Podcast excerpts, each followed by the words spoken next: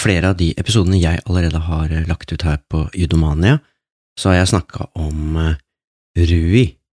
Men hva i alle dager er det? Rui? Det er jo et japansk ord, og det enkleste svaret er jo at det ordet, rui, kan oversettes med stil eller skole, og da tenker man litt sånn som man gjør når man snakker om eh, på norsk, at man for eksempel har gått livets skole, eller man har gått den gamle skolen, og da tenker man ikke konkret at man har gått på en gammel skole eller en gammel skolebygning, da tenker man at man har lært ting på en helt bestemt måte. Og eh, sånn er det med Rui også. Og eh, et annet eksempel jeg har sett, er at man sammenligner Rui litt med disse familiebedriftene som for eksempel eh, lager fyrverkeri i Spania eller de italienske pizzarestaurantene, der hvor oppskrifter og hemmelige ingredienser går i arv og holdes uh, i familien. Ordet rui brukes uh, nesten synonymt med ordet dojo, som vi har sett på i en tidligere episode, uh, mens andre ganger så representerer ryu begrepet da, den stilarten det er snakk om.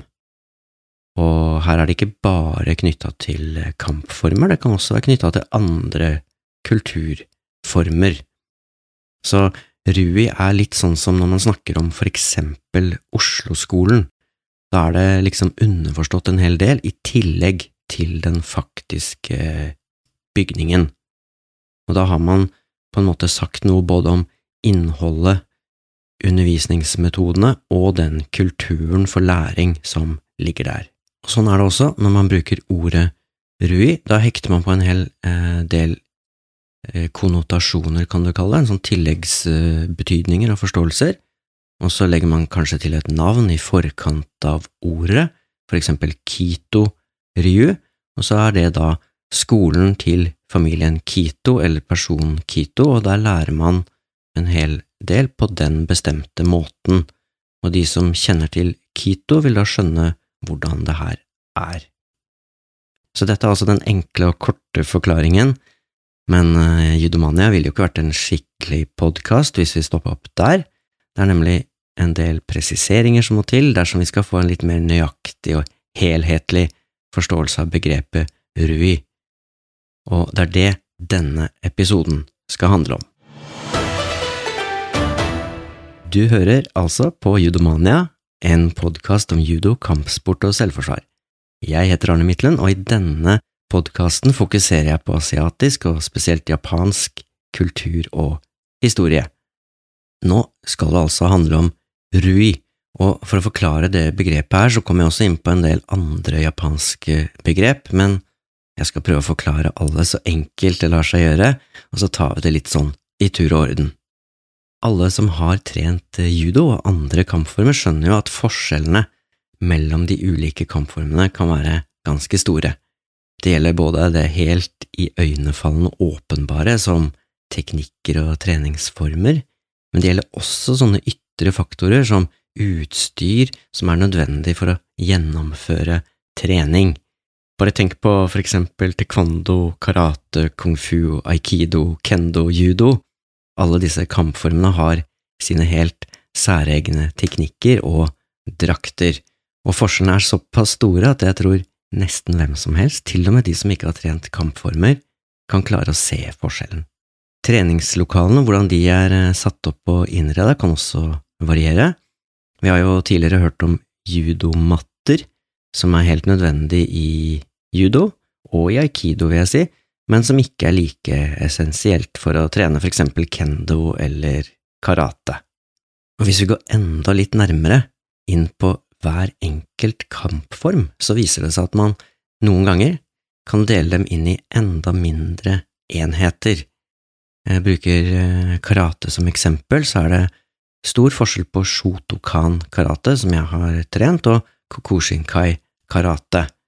Kokushinkai er eh, fullkontakt karate der det er tillatt med slag og spark mot hele kroppen, mens eh, shotokan, som også jeg har trent, er semikontakt karate med slag og spark som kun kan treffe visse deler av kroppen, og det gjør jo selvsagt også at måten man trener på, er litt forskjellig i de to retningene.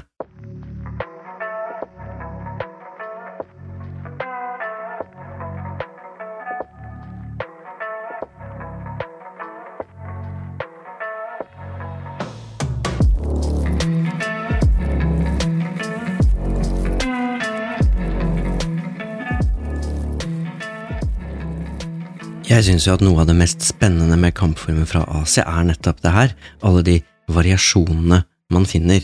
Og det som også er litt spesielt, eller interessant, eller utfordrende, alt ettersom hvordan man ser på det, er at de forskjellene her kan være så små at det nesten er umulig å skille mellom ulike retninger innenfor samme stilart. Det kan for eksempel, som jeg allerede har nevnt, dreie seg om ulike retninger innenfor karate, og aikido har også en del eh, av det tilsvarende, og andre kampformer.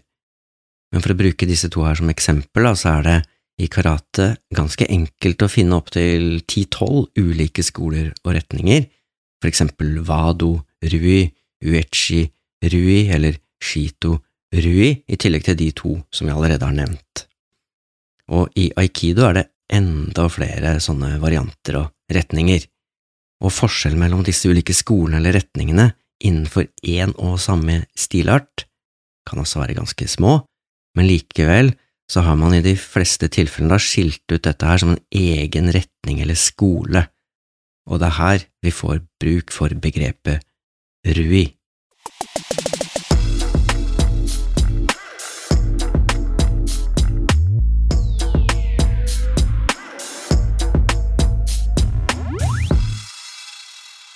Rui betyr, som vi husker fra starten av denne episoden, skole, og det finnes ulike skoler eller rui innenfor alle de japanske kunstformene, så det betyr altså at begrepet ikke begrenser seg til eh, kampformer, det er også i bruk når det gjelder kalligrafi, malerkunst og andre kreative fag. På Sugetsu Sogetsu Rui kan man for eksempel lære deres form for blomsterbinding og arrangering, og på Kaseno Rui, så kan man lære deres form for sumi-e, som er en form for eh, blekk- eller tusjmaling. Igor Kano, han som utvikla og grunnla judo, lærte jiu-jitsu på flere slike rui, hvor hver eh, rui la vekt på sine spesielle teknikker og strategier. Men han kalte ikke sitt system for rui, for han ville, som mange andre på den tiden her, markere at judo tilhørte den nye og mer moderne måten å drive med kampformer på, så judo skulle være noe annet enn for eksempel kano rui. Det gjorde også at Igor Kano ganske raskt gikk bort fra de gammeldagse graderingssystemene men-kyo, med sine hemmelige ruller og diplomer, så han markerte på den måten avstand fra rui-måten å tenke på, og også ved å innføre et mye tydeligere og mer sånn transparent graderingssystem, det vi kjenner som Kyodan-systemet med fargerike belter, eh, så bidro han da til å liksom skille judo fra det gamle systemet. Og det kan du høre mye mer om i en egen episode av Judomania-podkast som handler om beltesystemet.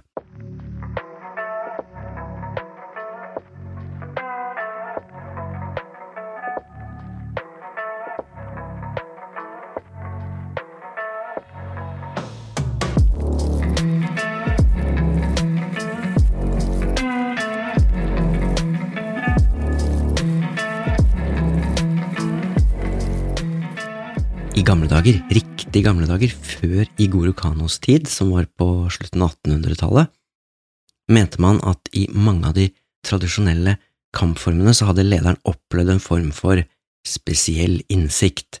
Man så liksom da for seg at mesterne eller ekspertene hadde tilegnet seg kunnskap gjennom intense studier og kamperfaring, både ved å delta i kriger og gjennom meditasjon og, og mer ordinær trening. Og akkurat hvor dette skillet mellom gamle og nye kampformer går, er det jo mange som er opptatt av, eller i hvert fall enkelte er svært opptatt av det her, og det er flere som driver med kampsport som er opptatt av at det de driver med, er en gammel og kanskje underforstått mer original og ekte kampform. Og noen mener da at man må helt tilbake til 1600-tallet i Japan for å finne de ekte ko-ryu, altså de gamle kampformene. Ko betyr gammel. Og andre mener at det holder å gå tilbake til rett før Meiji-epoken, altså før den tiden vi gjerne prater om når det gjelder judo, før 1868, mens andre igjen mener at det her er snakk om før og etter forbudet mot å bære sverd på gata ble innført, og det skjedde vel sånn i 1876, tror jeg.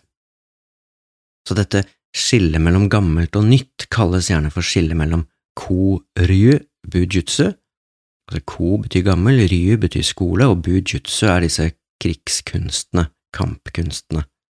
Det er på den ene siden koryu bujutsu, og på den andre siden er det gendai budo, som betyr moderne kampformer, og det er for eksempel judo, kendo og aikido, de som vi gjerne kjenner fra moderne trening, der man tar på seg litt spesielle drakter og belter og, og trener.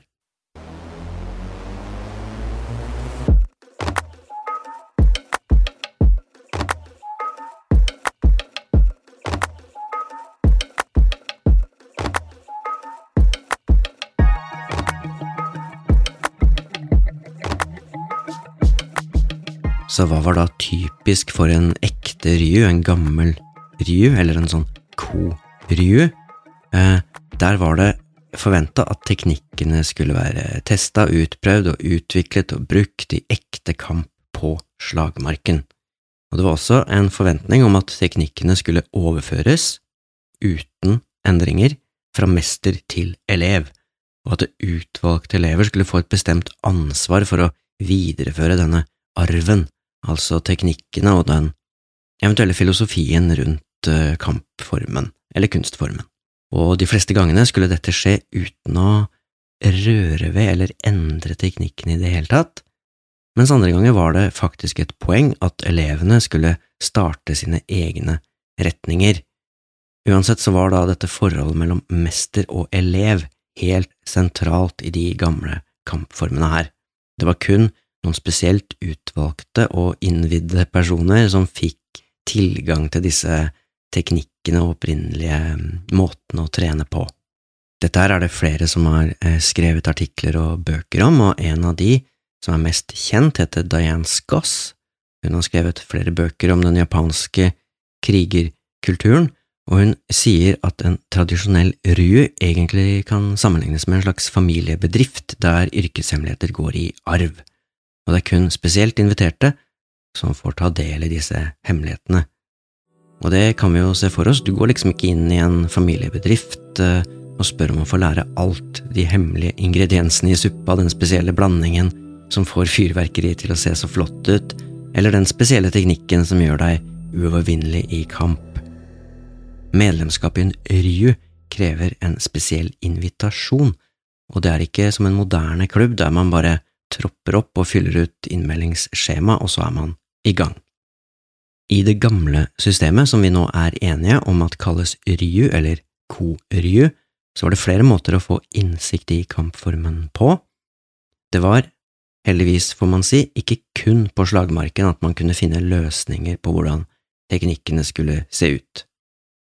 Etter hvert som utøverne, da, mesterne og deltakerne i denne ko-ryu-skolen følte at nå kan vi ikke lære mer gjennom den treningen vi allerede holder på med, så dro de i stedet på en slags eh, pilegrimsreise, en shogyo. Og en shogyo er en intensiv og asketisk form for trening som skal rense og teste både tanker, kropp og sjel.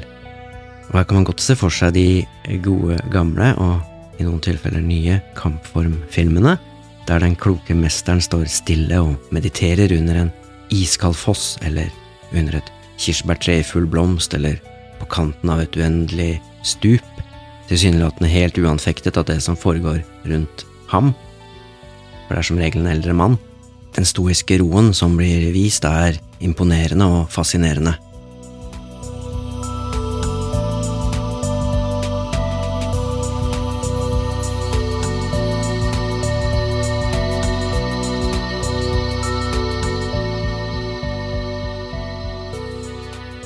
Og som vanlig når man skal forstå japanske begrep, så gir det jo mening å se på eh, det hele etymologisk, altså på ordets opprinnelige betydning, og gjerne sånn tegn for tegn. Shugyo er satt sammen av to tegn. Shu, eller sju, betyr asketisk øvelse eller asketisk aktivitet, og det neste tegnet, gyo, betyr reise eller å dra et sted, og i dagligtalen så forstår man shugyo som at man på en litt sånn nøysom og eh, beskjeden, asketisk måte prøver å oppnå et åndelig mål. Da kan man nesten se for seg inspirasjonen her fra disse buddhistmunkene. Hensikten med shugyo er da å bryte gjennom det ytre skallet som det vanlige livet påfører oss, og så skal man åpne opp for et litt mer sånn åndelig univers. Shugyu var en aktivitet som gjerne, ikke nødvendigvis, men gjerne fant sted med utgangspunkt i et hellig sted, for eksempel et shinto- eller buddhisttempel, i kanskje i en bortgjemt religiøs koloni, eller i ødemarken, eller på en fjelltopp. Og da skjønner vi også at eh, kunnskapen man får gjennom Shogu blir sett på som den edleste og reneste, den mest verdifulle form for innsikt, fordi man hadde fått den direkte fra en slags himmelsk inspirasjon. Det var rett og slett gudene som hadde overført sin visdom direkte til disse utøverne som hadde vært gjennom shogio. Og for at disse teknikkene og innsiktene skulle forbli edle og hellige, måtte de være eller ha samme uttrykk som det den første mesteren hadde vist sine elever, så du kunne ikke komme rekende med hva som helst, det måtte ha en sammenheng med det som allerede fantes. Og slike reiser eller pilegrimsferder kan sammenlignes kanskje med det som fant sted i Europa i middelalderen, der ridderne noen ganger brøt med omverdenen for å legge ut på en slags dannelsesreise der de skulle teste ut eh, grensene for hva som var moralsk rett og galt, sett i forhold til ridderidealene som eksisterte i Europa. Og akkurat det her, hvis man vil lese en eh, artig bok, så er jo det parodiert på en fantastisk måte i romanen Don Quixote, eller Don Quijote. Og lignende reiser og overgangsritualer finnes i mange kulturer. I Japan, i denne musha shugyo, eller altså musha betyr kriger, i denne krigerpilegrimsferden foregår det her på denne måten. En kriger er ute på vandring, og hensikten er å finpusse og forbedre og foredle ferdighetene sine, uten beskyttelse fra familien eller skolen. Og i løpet av denne dannelsesreisen trener da denne krigeren med andre skoler, er i mange dueller eller jobber som livvakt eller leiesoldat. Det var veldig vanlig å påta seg oppdrag for lokale krigsherrer, daimyoer. Denne måten å forsøke å oppnå åndelig utvikling på er jo inspirert helt tydelig av zen-munker, som også gjerne la ut på en form for asketisk pilegrimsferd, en angia, som betyr å gå med føttene. Det var gjerne i starten av munkegjerningen, og for eh, zen-munker så kunne en sånn reise vare i flere år. Og En tilsvarende reise var altså populært for uh, krigerne, og det var mange som valgte denne måten å gjøre det på på begynnelsen av 1600-tallet og helt fram til slutten av Tokugawa-sjogunatet, som vi nå vet slutta i 1868. Det er også flere eksempler på at krigerne vandret rundt på denne måten i flere år, akkurat som munkene gjorde. Jeg har lest i hvert fall tre–fire år var ikke uvanlig og etter denne lange perioden med trening, bønn, askese skulle det åpenbare seg altså en slags visjon som skulle vise utøverne den sanne nøkkelen til å beherske kampformen som vedkommende drev med. Som oftest så var denne åpenbaringen ganske vag og lite konkret, så det ga jo store rom for uh, tolking. Det kunne jo for eksempel være en setning eller deler av en teknikk som skulle være eller representere det grunnleggende i kampformen, til den som hadde vært gjennom shogyo. Og slike åpenbaringer ble kalt eh, kunnskap fra himmelen, altså tenshin shoden, eller muso, kunnskap fra en himmelsk drøm.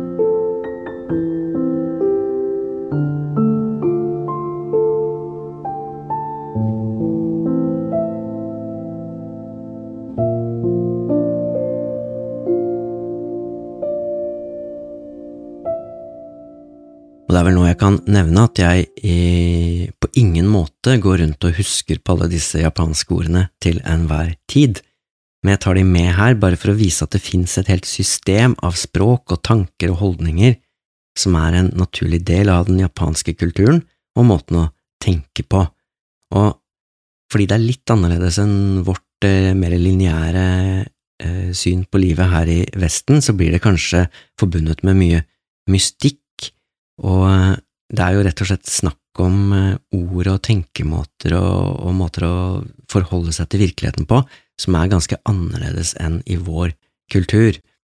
Og alle som er opptatt av språk, vet jo at det ligger mye informasjon, kan si kulturell ballast eller konnotasjoner og merbetydning i selv de minste ord og uttrykk, og det gjør at her i Vesten så kan man jo mange ganger opphøye ord og uttrykk til noe mer enn det de egentlig er også i det tilfellet her. Det er litt sånn som den historien jeg liker å vise til om fjellet, der fjellet først bare er et fjell, og så lærer du mye om fjellet og fjellets egenskaper, og alt blir veldig komplisert og sammensatt. Men så, når du har lært alt det her og går tilbake igjen til basic, så er det egentlig bare snakk om et fjell igjen. Og sånn er det med disse ordene også.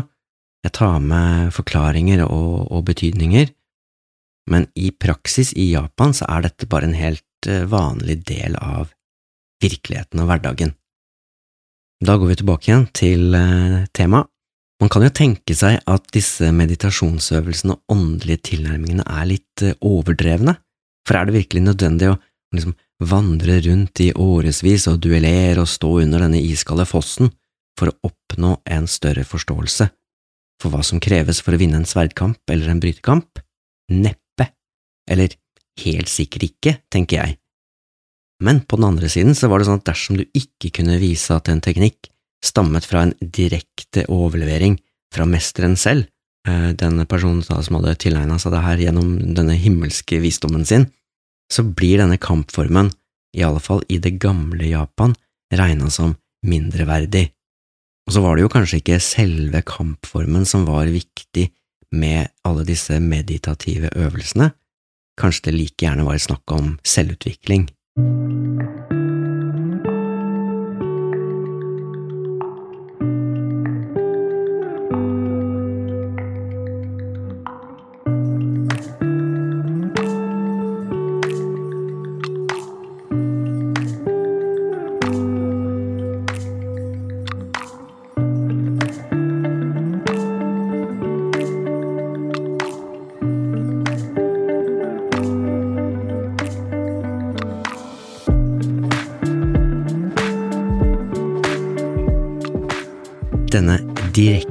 Overføringen av metoder, teknikker og konsepter, den litt konservative måten å se utvikling eller videreføring på, blir kalt for yikiden reiki, og det er et begrep som brukes på mange områder i det japanske språket også i dag, og det handler egentlig kun om direkte overføring av kunnskap, og det blir sett på som noe positivt. Det er nemlig ikke sånn at det nødvendigvis blir bedre om man moderniserer eller gjør endringer, tenker mange i Japan. Siden denne innsikten også da gjerne var resultat av en intens innsats, så var det selvsagt, vil jeg si, et poeng at man ikke måtte tukle og endre for mye på det man hadde kommet fram til, for du endrer liksom ikke himmelsk innsikt, iallfall ikke helt uten videre.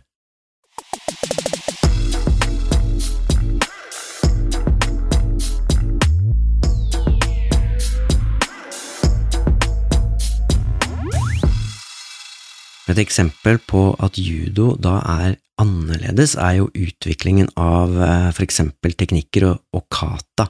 Flere av judokataene, disse forhåndsbestemte koreografiene, de mønstrene man beveger seg i for å øve på tekniske prinsipper, de er endra etter at de ble bestemt for første gang, og årsaken da har jo vært at man har funnet fram til bedre metoder, tydeligere teknikker andre måter å sette det sammen på, eller alternative ting som skal være med i kataen.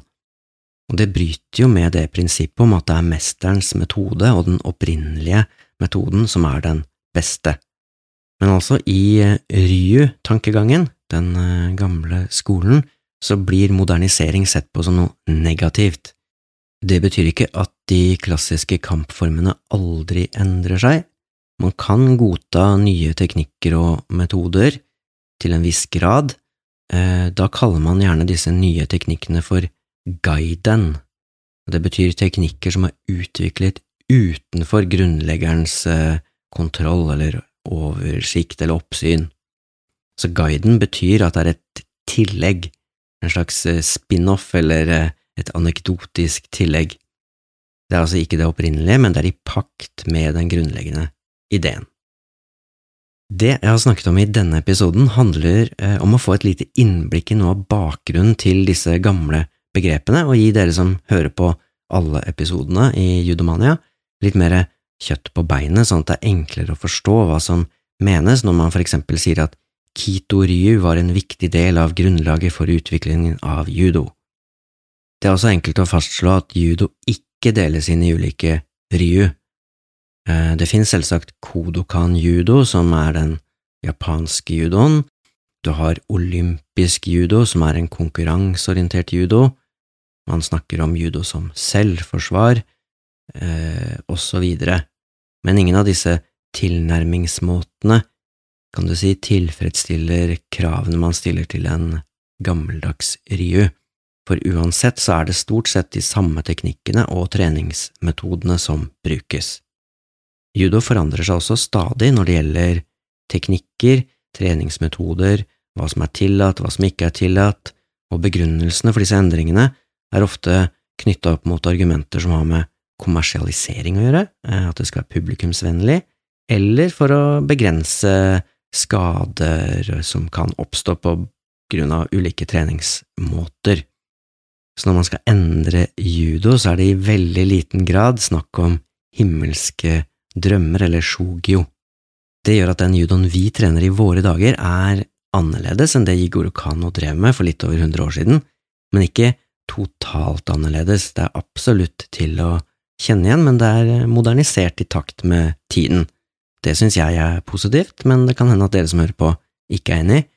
Kommenter gjerne, det kan dere gjøre på judomania.no podkast. Der kan dere både legge inn skriftlig eller muntlig kommentar, og de sendes direkte til meg, de legges ikke ut på nettsidene. Så det er bare jeg som får lest det her, og så kan jeg ta det opp igjen eh, i en episode hvis dere har noen innspill som dere ønsker skal være med i Judomania podkast.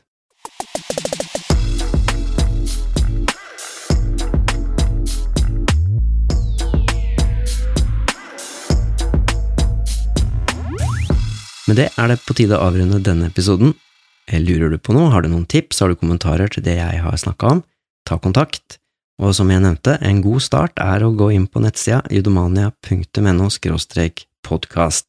Der kan du altså kommentere, enten skriftlig eller muntlig, eller hvorfor ikke slå til å gjøre begge deler, altså judomania.no podkast. Det var alt for denne gangen. Takk for at du hørte på. Ha det bra.